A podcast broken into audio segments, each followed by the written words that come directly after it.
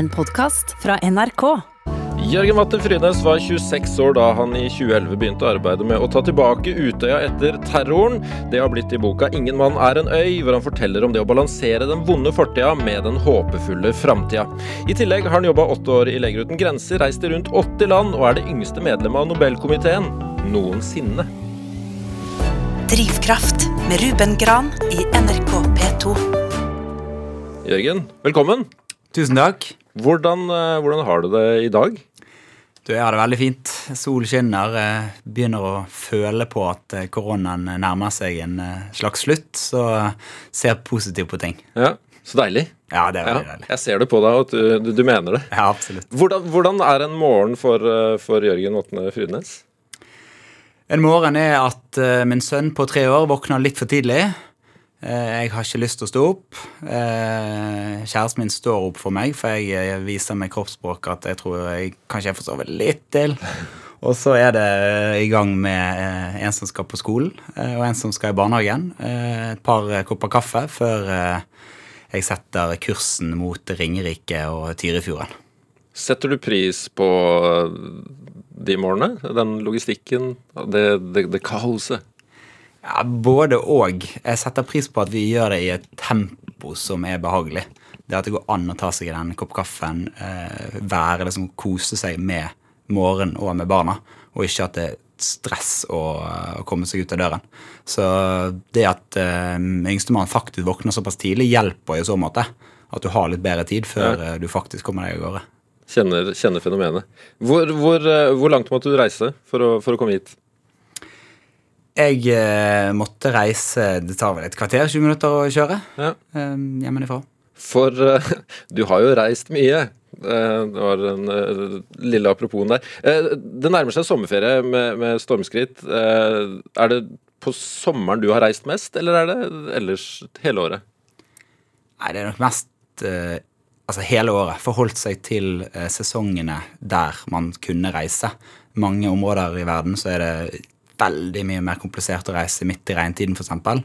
Så egentlig hele, hele året. Og så har jo det endret seg selvfølgelig litt etter man eh, ja, fikk barn etter hvert eh, når man, de skulle forholde seg til skoletider osv. Så, videre. så Så nå er det litt mer sånn kall det vanlige tider. Men eh, man må først og fremst forholde til det stedet man skal til, og ikke bare sin egen kalender. Og så har det jo vært eh, noe begrensa det siste året. Savner du, savner du å reise? Altså, Svaret på det er ja. Samtidig så er det mange som sier at å, 2020 for eksempel, det det var et så dårlig reiseår. Um, min familie vi dro tre uker til Sri Lanka i februar. Uh, kom hjem igjen på en måte til nedstenging. Så året har tre uker på Sri Lanka i et måte, koronaår, rett før det slo ut i full. Det, det, var, det var veldig god timing, da. Så 2020 var ikke så verst eh, sånn utenlandsreisemessig heller. Du fikk spart opp skikkelig, du. Ja, jeg fikk eh, spart opp en god, eh, en fin tur der, altså. Men hvordan tenker du at Det har vært veldig mye klaging på at nettopp det mangelen på reising fra, fra, fra folk. Har du, no, har du noen tanker om, tanker om det? Generelt så er jeg ikke så veldig glad i klaging, eh, så jeg tenker eh, bare foran planene dine, da. Eh, hvis du må til Altså hvis det er opplevelsen, så har du jo hele Norge. Du får jo nesten ikke vakrere land enn Norge. Ta deg en tur, ta deg en telttur, ta deg en kjøretur på Vestlandet eller et eller annet sted. Så, så at vi har muligheten til å utnytte Norge mye, mye mer enn vi kanskje tenker at vi har når vi kan reise til Syden eller hvor enn det måtte være. Så har ikke kjempestor eh, sympati for eh, å klage for å måtte komme seg ut. Det er heller bruk anledningen som du har, da, og eh, se Norge isteden. Ja, reiser du mye i Norge sjøl? Ja, altså, sånn Fra de siste årene så har det jo svaret vært jeg har vært mye mer i verden enn jeg har vært i Norge. Eh, Men de siste årene så har nok det prøvd å endre litt på. Så i år eksempel så er det, er det både Sørlandet og Nordvestlandet og eh, i det hele tatt. Hvor mange land har du vært i? Jeg burde jo selvfølgelig telt, men vi er vel eh, Det er et par 80. Mm. Mm. Hvilke av de, altså Du har jo rimelig grei oversikt da. Hvilke land vil du anbefale å reise til når vi forhåpentlig snart får sjansen? Altså, Verden er så fantastisk at den har jo en, alt for enhver smak. Altså, Har du lyst på Hvis du er glad i å gå i fjell, eh, naturopplevelser, så er Etiopia fantastisk land. Eh, Colombia det samme. Hvis det er strender og sydenferie, bare på ingen måte Syden, så er Sierra Leone et eh, godt, eh, godt eh, land. Eh, Sentral-Asia, Tajikistan, helt strålende. Eh, et sted som er ganske kort reise, ikke så veldig langt unna, Færøyene. Færøyene er et fantastisk fint sted også. Og så har du, altså Europa er jo bare å sette seg holdt på, på toget eller eh, å komme seg litt rundt. Det, eh, så det er mange mange, mange fine steder der ute. Alt for enhver smak. Hvis du kunne reist hvor som helst i morgen, hvor, eh, hvor hadde du tatt turen da? I og med at det begynner å nærme seg eh, altså sommer, Det er jo litt digg å utnytte sommeren og ikke reise på en måte til et sted som er kaldt. Så hvis jeg skulle valgt, så mm, Ja, det stedet jeg valgte bort når det ble Sri Lanka i fjor, det var Madagaskar. Så kanskje vi skulle tatt Madagaskar, da. For der har du ikke vært, eller? Der har jeg ikke vært. Eh, der har uh, altså familiehistorikk eh, min fars familie fra Sørlandet, så der var det jo noen misjonærer tilbake igjen. Så en viss form for familiær tilkobling til, til Madagaskar. Så jeg har hørt liksom mye sånn myteomspunnet om det fra gammelt av. Gamle tantene som fortalte om hvordan det var. Jeg tipper det var helt annerledes å reise dit på egen hånd nå, men likevel, det kunne jeg tenke meg. Ja. Eh, Får håpe du snart får muligheten. Ja, vi prøver. Ja. Eh, Du har jo reist mye både, både gjennom jobb og, og på fritida, sånn jeg har skjønt det. Bl.a. Blant annet gjennom Leger uten grenser. Hvor lenge jobba du der? Du, Der begynte jeg i 2004. Da var vi et lite kontor på syv stykker. Og så jobbet jeg fram til 2011. Da var vi blitt en eh, relativt større organisasjon, hatt TV-aksjon og vokst på, på ulike måter. Så eh, etter jeg sluttet der, så satt jeg også fire år i styret, fra 2013 til 2017. Hvordan var det å jobbe der? Altså Å være med på den utviklingen som du jo forteller om. Ja, det var å starte egentlig mer en familie enn en organisasjon. Når du er en liten, altså du gjør alt. Du har på en måte alle oppgaver. Etter hvert som du vokser det større, så, så, så er du på en måte med å utvikle en organisasjon. Både organisatorisk, men også eh, en vel, veldig sånn feltdrevet organisasjon. Fokuset på å hjelpe mennesker i nød, eh, lindre nød og redde liv, er jo gjennomgående på en måte DNA-et til, til den organisasjonen. der Feltarbeidere som reiser ut for uh, dårlig betaling og gjør en, en knallhard innsats uh, i den perioden de er ute. Så, um, så det er en, et sted jeg trives veldig veldig godt, og en organisasjon som jeg setter veldig høyt. Men er det radikalt forskjellig å reise med Leger uten grenser og å reise på egen hånd? Altså, jeg tror en av grunnene til at uh, jeg ble så fascinert over så mange steder, det var jo nettopp det at i grenser så kan du eh, Vi nevnte Etiopia. Ta det, da. Eh, hvis du jobber for grenser i Etiopia, så er sannsynligheten for at du jobber i noen av de verste områdene. Høy dødelighet, sult, det kan være eh, store på en måte, medisinske, humanitære utfordringer. Samtidig så vet du at innenfor det samme landet så opplever du både noe av det verste, men også noe av det fineste. Naturen, maten, kulturen, menneskene. Også noe av det eh, vakreste som finnes. Og det er noe i denne der eh, kontrasten der, da. Det å se at så mange land som man kanskje ikke tenker på at det er et utrolig fint sted, også er det. Du hører i nyhetene om, du hører via hjelpeorganisasjoner, humanitære organisasjoner, at det er masse problemer, det er krig, det er eh, medisinske utfordringer osv. Men samtidig så er det en utrolig fin side av disse landene òg. Så den nysgjerrigheten da, ved å på en måte oppleve et land gjennom først og fremst måte, det elendige, og så samtidig se og erkjenne at det er jo så utrolig mye fint der òg. Gårsdagen, unnskyld, gårsdagens gjest her, Pål Nilsen Lav, han var også veldig begeistra for Etiopia.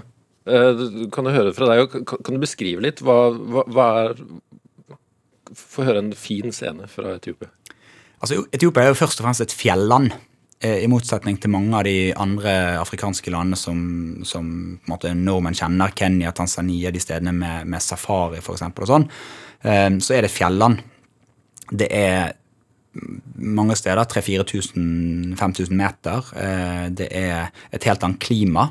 Det er jo kaffens hjemland. Så i enhver liten landsby, så lenge det er strøm, så møter du et Kommer du til en liten landsby, så møter du en stor italiensk fancy kaffemaskin, og du får den beste nytraktede kaffen på en måte, rett, eh, rett fra, fra den lille greien på gaten. Eh, og så er det naturen da, som er på en måte karrig og steinete. og Samtidig, hvis du kommer der i, rett etter regnsesongen, så er det grønt og, og frodig. Så det er veldig sånn store kontraster på når på året du er der. Um, så Etiopia er rett og slett et, et strålende flott land. Må prøve det. Men har det vært noen vanskelige opplevelser på noen av reisene dine? Ja, det har jo vært noen eh, Det har vært å bli ranet for alt du har på hotellrommet. Det har vært eh, å blitt eh, havnet i litt dårlige situasjoner i en eller annen bakgate i Egypt. Og så har vi har jeg spesielt én historie fra Somaliland, som er den nordvestlige delen av Somalia, som som endte på en eh, Det endte bra, men som var ganske så dramatisk underveis med ja, skyting og i det hele tatt. Hva var det som skjedde? Altså, Somaliland er et Har vært Det har erklært seg selv selvstendig og vært det siden 91. Uh, fungerer på en måte som en egen stat, har demokratiske valg og er relativt sånn lyspunkt på Afrikas Horn. Men de har jo også sine utfordringer. Når du reiser der, så må du ha væpnet eskorte mellom byene. Eh, det hadde vi òg. Fungerte jo mer eller mindre som en guide og var en strålende fin tur. Um, utenfor Berbera, som er en kystby, så, um, så, gikk jeg og en brite som jeg hadde møtt på tur, um, langs, uh, langs stranden og, og, innover. vi hadde fortalt, blitt fortalt at det var et sykehus som lå på en liksom, topp. Uh, vi gikk der og litt sånn hva skal jeg si, klassisk kamel i solnedgang-stemning. Uh, tok noen bilder og, så videre, og så kommer det en gjeng med unge menn løpende ned fra dette bygningen her. Uh, merket ganske umiddelbart at det var uh, dårlig stemning. Um, men det har jeg på en måte vært borti før, og tenkte ja, ja, i verste fall så blir vi på en måte ranet.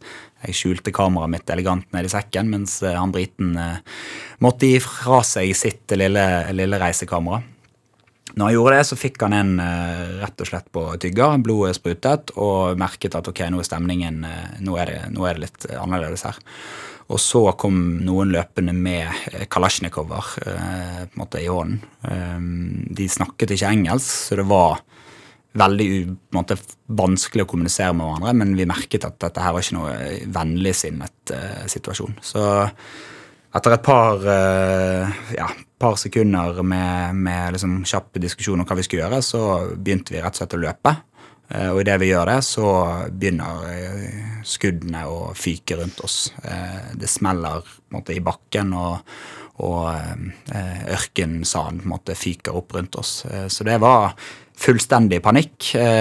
fryktet for livet og løp alt vi kunne med disse unge mennene i hælene kommer tilbake igjen, eh, klarer å på en måte gjemme oss og, og, stikke unna. Det begynner å bli mørkt. Kommer tilbake igjen til det hotellet eller det ja, gjestehuset hvor vi bodde, og innser det at vi har løpt på masse torner og blør massivt og helt utmattet kaster opp når vi kommer på hotellet der og tenker ja, ja, men vi kommer iallfall unna.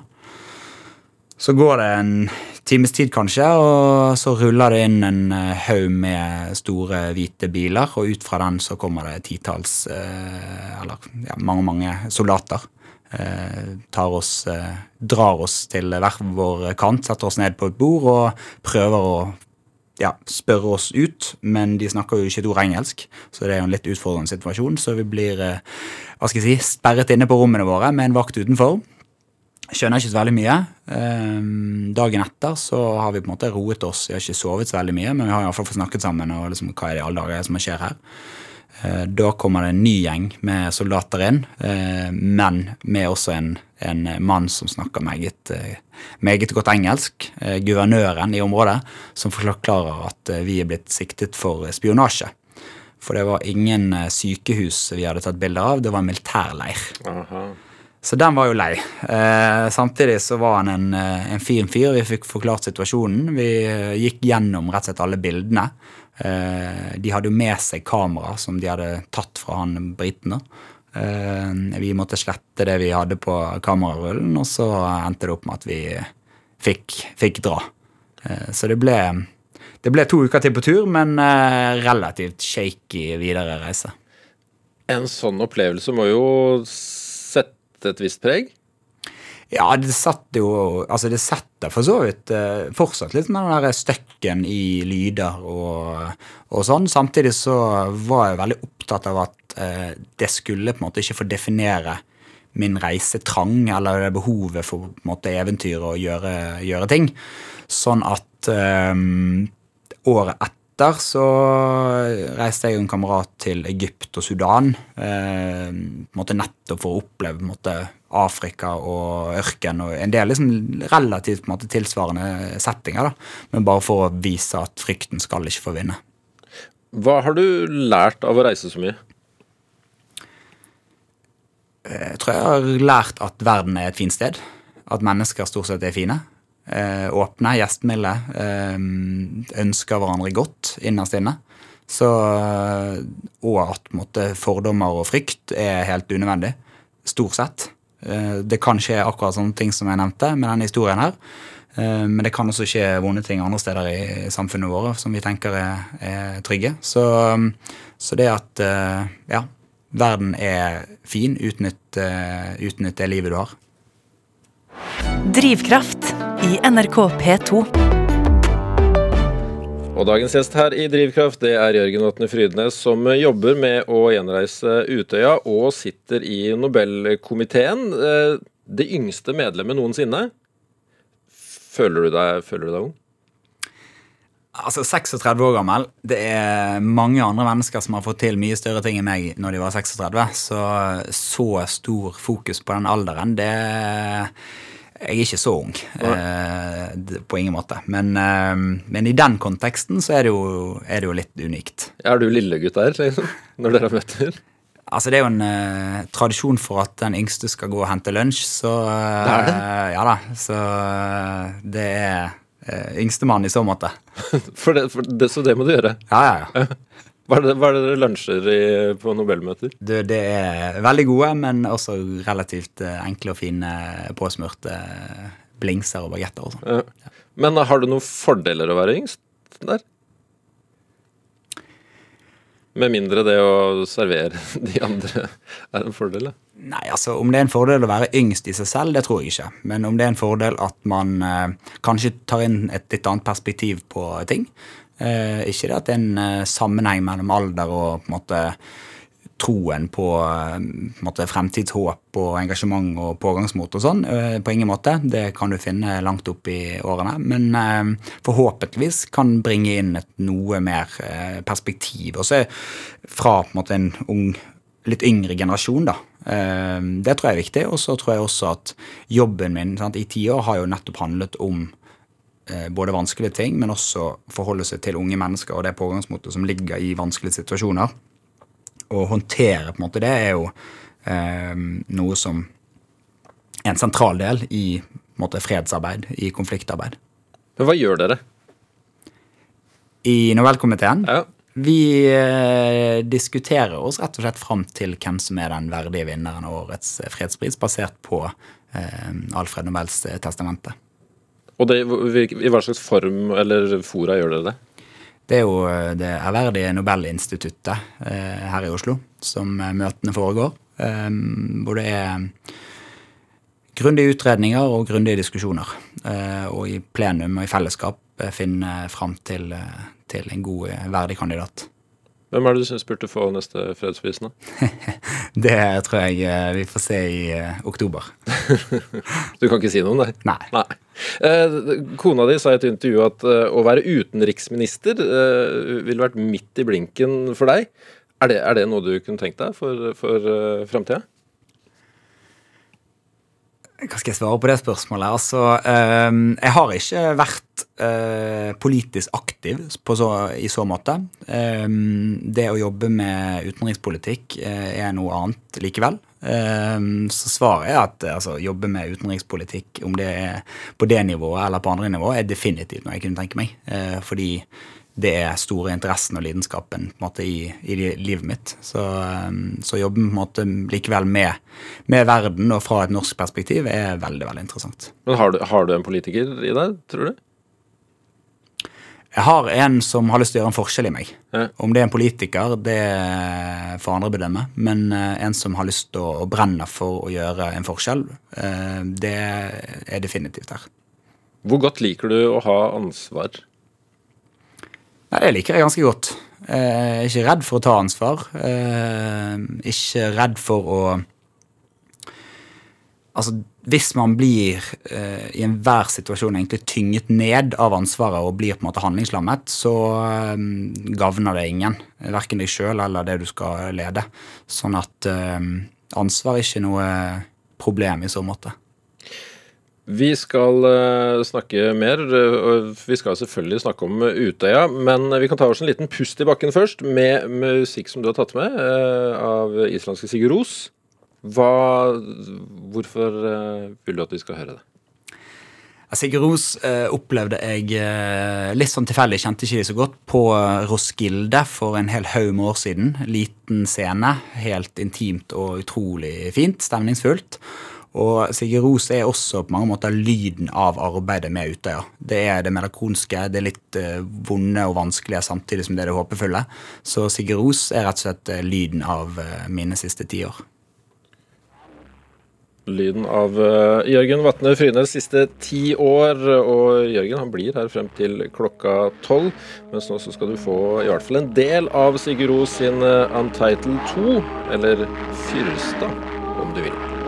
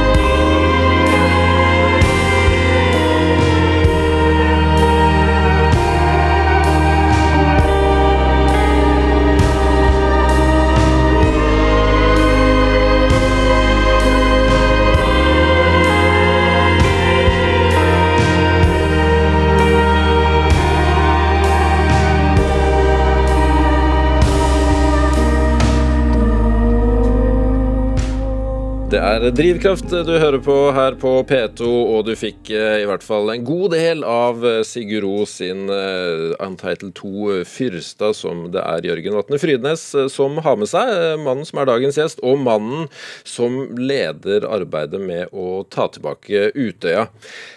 I sommer er det ti år siden, eh, 22. juli. Hva skal du gjøre den dagen? Nei, 22. juli-markeringen eh, blir for, på Utøya for å tilrettelegge for først og fremst eh, de berørtes egen markering der ute. Det er jo eh, statsministerbesøk, det er kongelig besøk og sånn, men og i all respekt for de rollene der, så er det først og fremst de berørte sin dag der ute. Ja. Så min rolle blir å prøve å fasilitere for at den dagen går akkurat som den skal, med fine markeringer. Du har skrevet en, en bok om arbeidet ditt Mutøya. Eh, 'Ingen mann er en øy'. Hva, hva handler den om? Den handler om eh, vanskelige valg. Den handler om smerte og sorg. Den handler om håp. Den handler om hvordan vi som samfunn og som sted skal respondere på terror og vold. Hvor, hvorfor ville du skrive den? For det første så er det viktig at historien til Utøya skrives for Utøya sin del, eh, som veldig mange har et tett forhold til.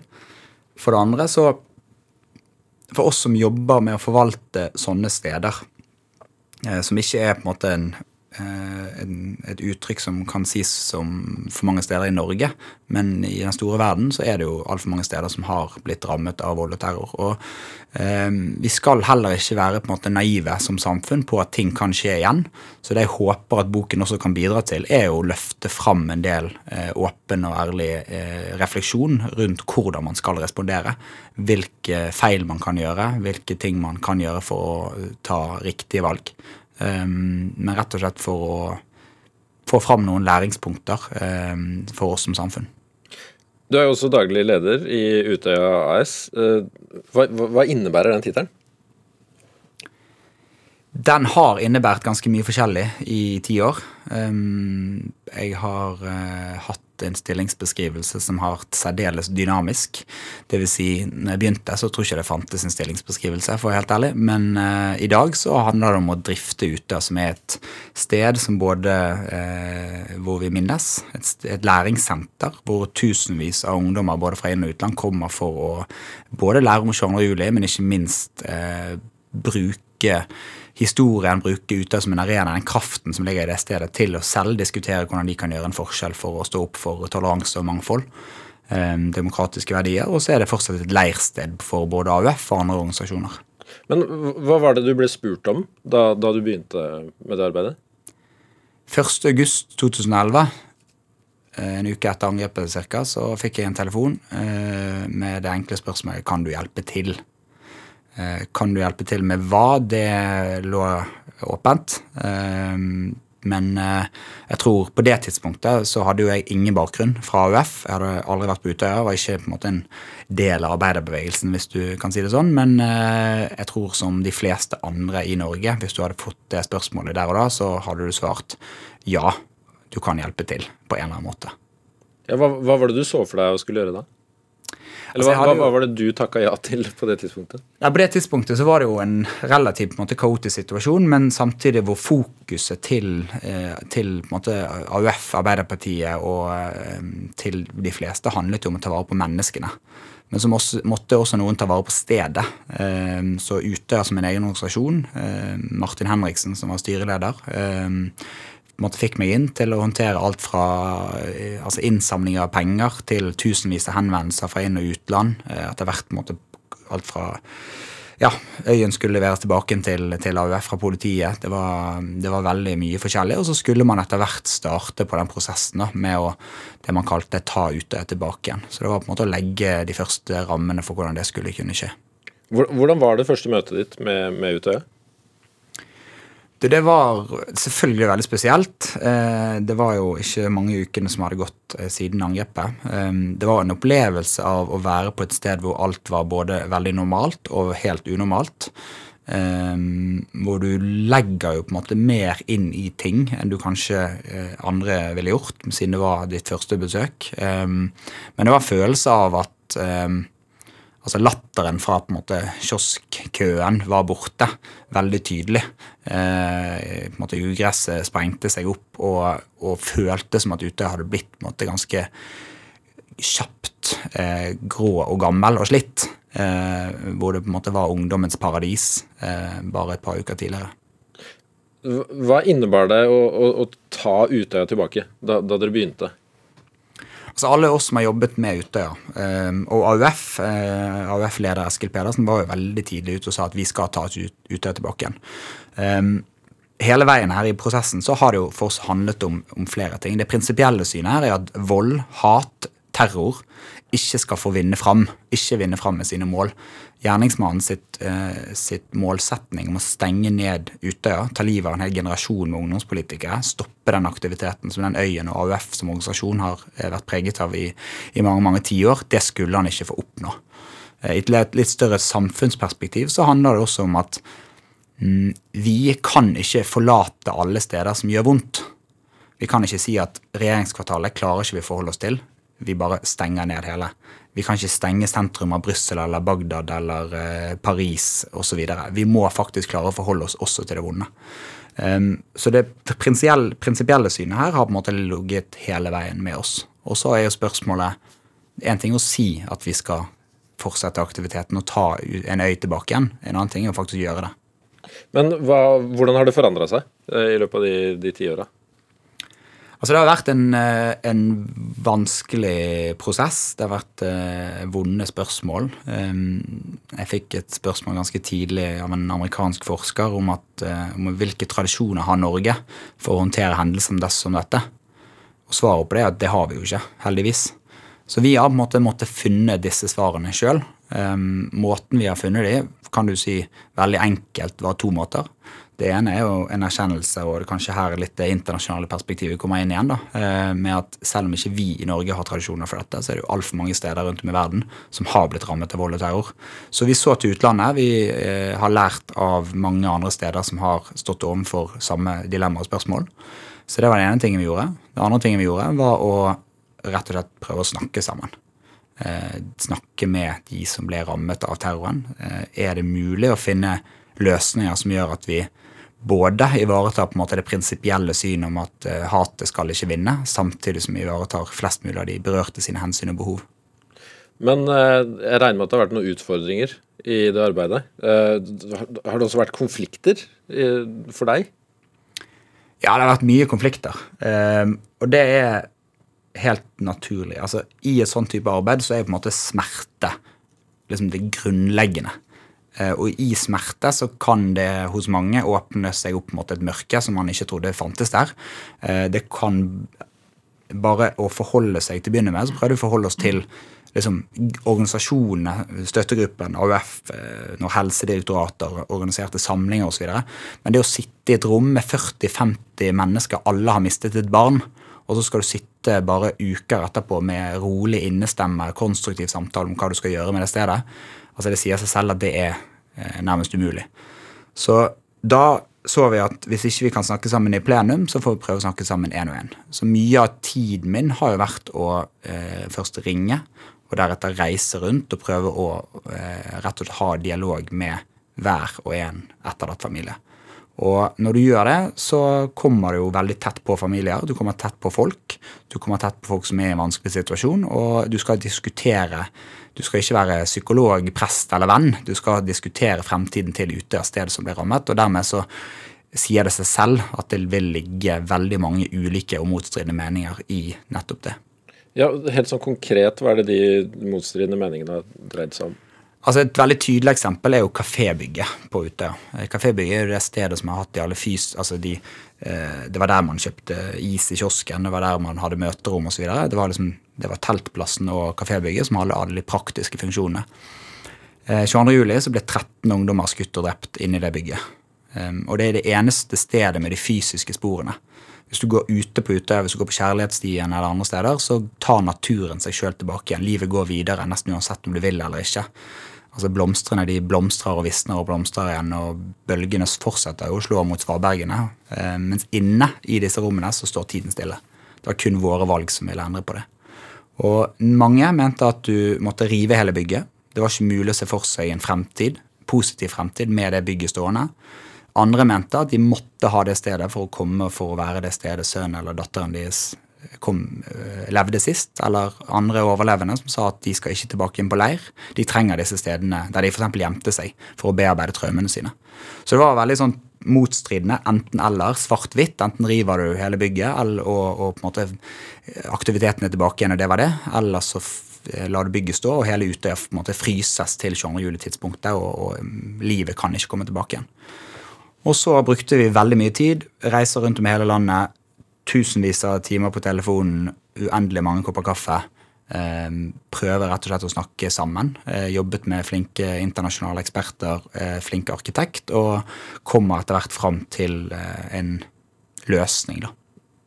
Hva, hva, har vært det vondeste for deg med jobbe, den jobben her? Nei, det vondeste var Altså, det har vært mye eh, Og det har jo gjeldt i mye mye større grad for overlevende fra, fra 22. juli enn på en måte meg personlig. Men den hetsen og trusler som kommer fra kalde eh, vanlige folk, men som de fleste har en veldig tydelig høyreradikal bakgrunn. Um, organisasjoner som involverte seg i arbeidet. Um, det har vært uh, oppdaget noen har brytt seg inn på, på, i det ene bygget og markert hakekors i taket. Eh, det er på en måte skremmende, men det vondeste mer personlig var når du fikk meldinger fra berørte selv med at eh, den jobben du gjør, er, er, er ja, veldig vond og vanskelig, og, og verre er bli kalt på en måte jævla forræder. Og den aller verste tekstmeldingen jeg fikk, er jo det du gjør mot oss, eh, Jørgen, er det Breivik gjorde mot eh, våre barn. Du tar livet av oss. Eh, du er reinkarnasjon av Breivik.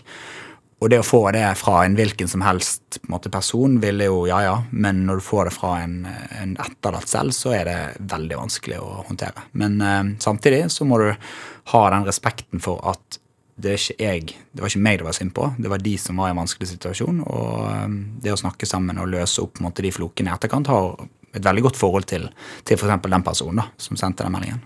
Har det, har det vært noen fine opplevelser da?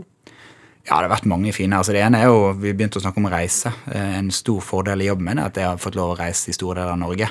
Uh, turen jeg hadde i Nord-Norge, f.eks. Altså Senja, for et fantastisk sted. Uh, Hurtigruten opp og ned kysten flere ganger med støttegruppen langs både i nord og sør. Um, møtene med mennesker, da. Møtene med folk som har uh, overlevende etterlatte som er i en vanskelig situasjon, men som er utrolig fine folk. Så det er jo rett og slett møt, menneskemøtene som er de beste øyeblikkene. Hva, hva er Utøya i dag?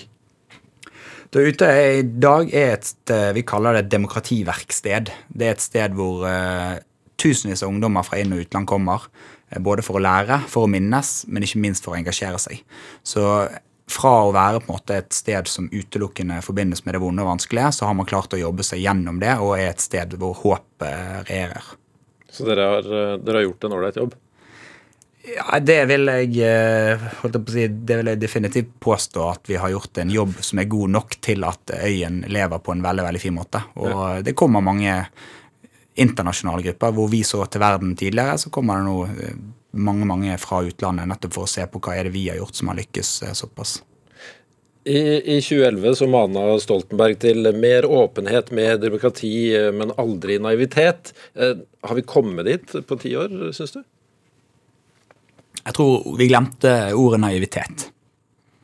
Jeg syns du ser på, på, mm, på samfunnsdebatten Den hetsen Ikke bare Altså, det mest slående er jo selvfølgelig at eh, hver tredje Utøya-overlevende eh, mot, har mottatt de siste ti årene på en måte grov hets og trusler med, om dødstrusler. Det er jo et tegn på at noe er feil. Eh, vi har opplevd et nytt eh, terrorangrep i Bærum. Eh, så det at vi definitivt måte, som samfunn ikke har, eh, har helt kommet der vi skulle være. Samtidig så skal ikke vi svartmale situasjonen heller. Eh, Norge er fortsatt verdens beste land å leve i. Ehm, så vi, vi må ikke bli helt eh, måte, historieløse og ikke kunne se andre steder i verden heller. Men Hvordan syns du samtalen om Utøya har vært de, disse ti åra? Jeg syns samtalen etter 22. juli om 22. juli som måte tematikk, med alle de temaene som er måte tilknyttet det, har vært preget av berøringsangst.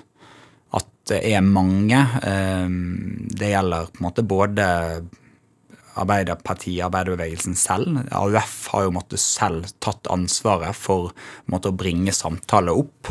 Eh, fra det politiske Norge så har det vært i stor grad stillhet, eh, berøringsangsten, det å ikke tørre. Um, og jeg har respekt for at det er vanskelig tematikk uh, å snakke om, og at du bør ha respekt for, for um, de berørte. Uh, men samtidig, hvis du kommer til det tidspunktet hvor det ikke er mulig å snakke om det, du ikke orker å snakke om det, det er for vanskelig å snakke om um, altså, ut, 22. juli er jo på en måte det mørkeste rommet. Men vi må også tørre å gå inn i det mørkeste rommet for oss som samfunn. Og det tror jeg ikke vi har vært gode nok på. Hvilke samtaler er det vi, burde ha hatt? Jeg tror det er mange samtaler vi burde hatt. Vi burde, altså Det såkalte på en måte oppgjøret som, som aldri kom osv. Jeg er litt usikker på om ordet oppgjøret er riktig, men, men eh, den det å ha en åpen samtale uten å på en måte for mye beskyldninger og uten å, å si, men en samtale om hva som kan føre til at noen vokser opp på den måten og gjør sånne type ting. Eh, Breivik er et eksempel, Manshaus et annet. Eh, eh, Harald Klungtvedt skriver i sin bok om nynazistene i Norge i dag at når det er et koldtbord av høyreekstreme grupper å velge blant, så er det ikke rart at man ser en ytterligere radikalisering. Så det å diskutere hvordan det kan skje i Norge, det har vært synes jeg, fraværende. Eh, ikke bare fordi du skal ta utgangspunktet i 22. juli, men at det er vanskelige tema. Um, og det, det, har vi ikke rett og slett klart å gjøre. Jeg vet ikke om det er mulig å oppsummere de ti året, men hvordan har det vært for deg å jobbe så tett på et såpass tungt traume eh, i så mange år? Altså, det har vært mange tunge år, eh, samtidig som det har vært veldig mye håpefulle år. Um, Utøya var jo eh, Minnestedet på Utøya var klart i 2015. Sommerleiren til AUF var tilbake igjen i 2015. Eh, da satt det 1500 ungdommer i den bakken, en, en måte, eh, betydningssymboltung bakken på Utøya. Og det å se at ungdomsgenerasjonen reiste seg så tydelig i 2015 Det er noen år siden, det er seks år siden. I 2016 så kom dette Heinhuset på plass, som vi kaller det. det hvor vi har tatt vare på det gamle kafébygget eh, på innsiden av et nytt bygg som består av 495 søyler, én for alle som overlevde. Og de står rundt 69 søyler som strekker seg mot himmel og bærer det nye taket. En for alle som ble drept. Eh, og som har dette læringssenteret med seg. Um, Heinhuset har jo blitt betegnet av The Guardian som et av de ti viktigste byggene i verden. Um, og det er allerede noen år siden dette skjedde, så det har jo vært mange mange år med håp, uh, med mye positivitet. Samtidig så jobber det jo fremdeles på mennesker som sliter tungt. Det er fortsatt veldig mange etter 22. juli som har det tøft. Uh, det går i bølgedaler, det går opp og ned.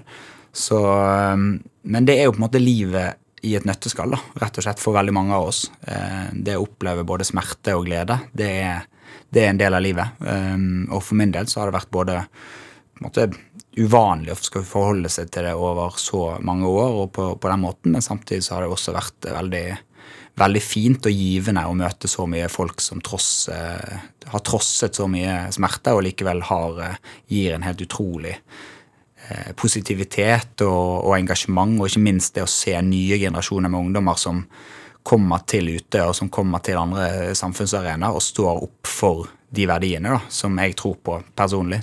Mangfold, toleranse, demokratiske verdier som er vi helt avhengig av å kjempe for hver eneste dag. Er det noen opplevelser du husker ekstra godt fra disse åra? Ja, det er mange enkeltøyeblikk. Altså å sitte eh, på en måte i boblebadet på eh, toppen av uh, Hurtigruten uh, og snakke om på en måte liv og død med overlevende etterlatte. Himmelen blir plutselig helt grønn av nordlyset. Uh, bare sånn magisk på en måte opplevelse. godt og vondt, alt på en gang. Um, når en far som eh, mistet datteren sin i, i kafébygget, eh, kommer ut Vi har hatt mye, mye, uenigheter, mye kranglinger, men også veldig mange fine samtaler opp gjennom mange år. Kommer ut eh, fra kafébygget, er litt usikker på om han skal gi meg inn på trynet eller eh, noe annet. Når han gir meg en god klem og sier at dette klarte vi sammen. Det er et sånn øyeblikk som kommer alltid til å være med meg. Ja, det kan jeg skjønne.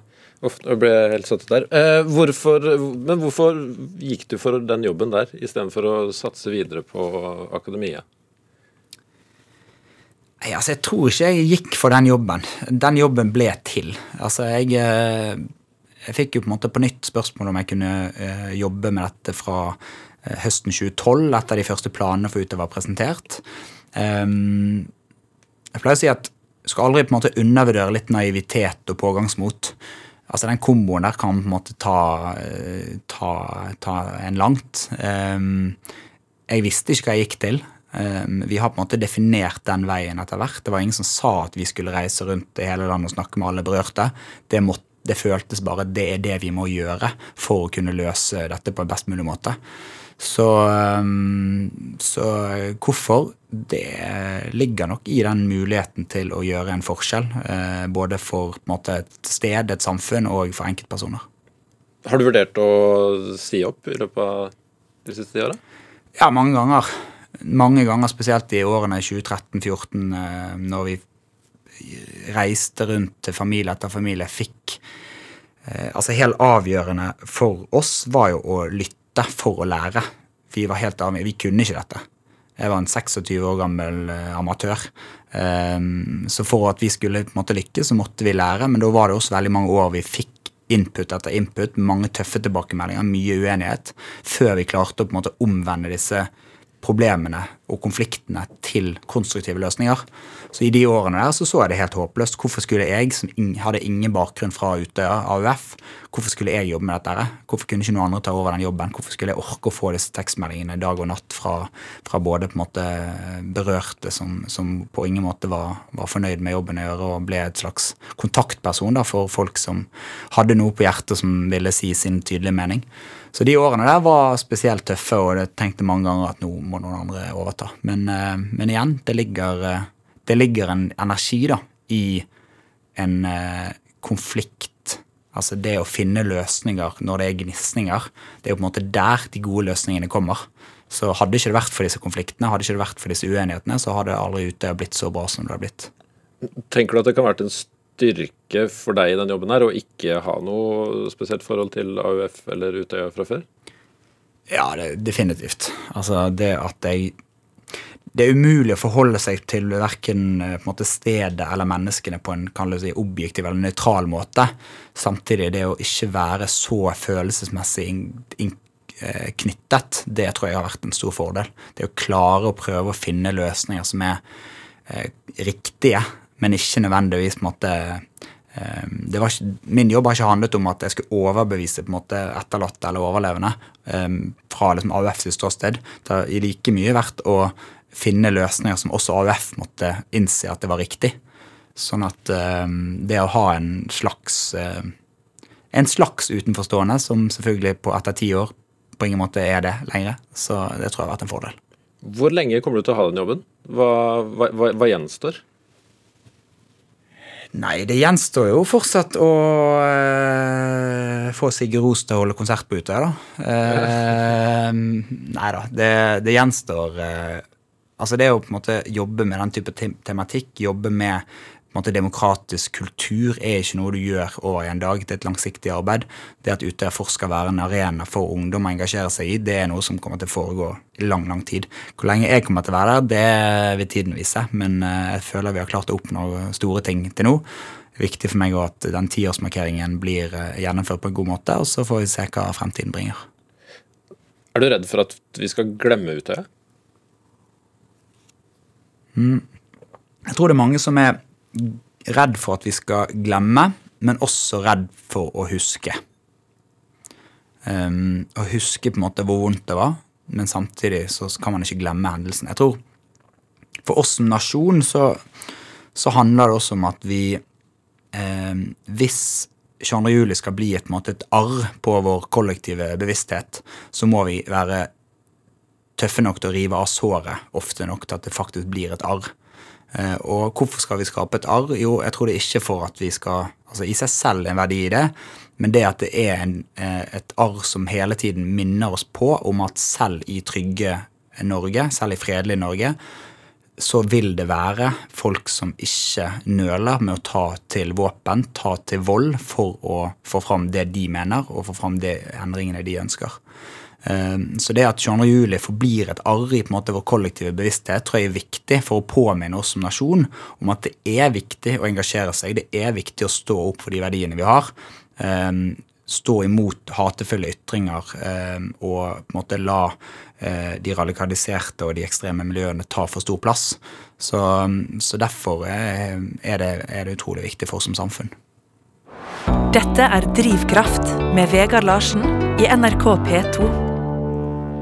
Det er ikke helt sant. Vegard Larsen er ikke her. Eh, mitt navn er nemlig Ruben Gran. Og eh, her i Drivkraft så har jeg besøk av Jørgen Vatne Frydnes, som altså er daglig leder eh, gjennom ti år for Utøya AS. Men altså, hvor, hva tok deg dit? Jeg skjønte som at da du var barn, så skulle du bli fotballspiller? Ja, Da jeg var ungdom, så sto det ikke så veldig mye annet i hodet på meg enn fotball. Det er det ingen tvil om. Det var Brann og det var Liverpool, og enhver uh, samtale kunne handle om det. Og enhver uh, fritid handlet om å finne fram ballen og dra på, dra på fotballbanen. Hvor engasjert er du i fotball nå? Nei, Fortsatt. Uh, spille fotball det har blitt uh, en sånn Med all respekt fordi jeg spiller med en sånn avdanket gjeng som spiller en gang i uken. Uh, det er fortsatt veldig gøy, men det å se på fotball. Det Engasjementet kommer jo definitivt fram gjennom å se, se fotball. Ja, Det er nok å engasjere seg i både med Liverpool og Brann? Ja da, eh, på godt og vondt. Men eh, Liverpool de siste årene er jo blitt en Altså navnebror Jørgen Klopp er jo en stor helt og har brunget mye glede inn i livet de ja. siste årene. Ja, fin type. Fint lag. Men ser du på, ser du på EM om dagen? Liker du mesterskap? Ja, jeg liker mesterskap. Jeg syns jo Nå er det altså, sant, det er jo litt tilskuere og sånn, men jeg må innrømme at jeg har ikke helt kommet i EM-modus. Jeg håper jo at slutten av EM kanskje blir litt mer sånn eh, å kunne samles. Jeg synes Å se fotball er en sosial greie òg. Så se, sitte alene hjemme på sofaen og se ja, en, en helt på en måte, sånn standard EM-kamp, det gjør jeg nok ikke. Men å følge på en måte de storlagene og etter hvert, etter hvert å kunne gjøre det sammen med folk, er veldig gøy. Er du, er du en veldig sosial type?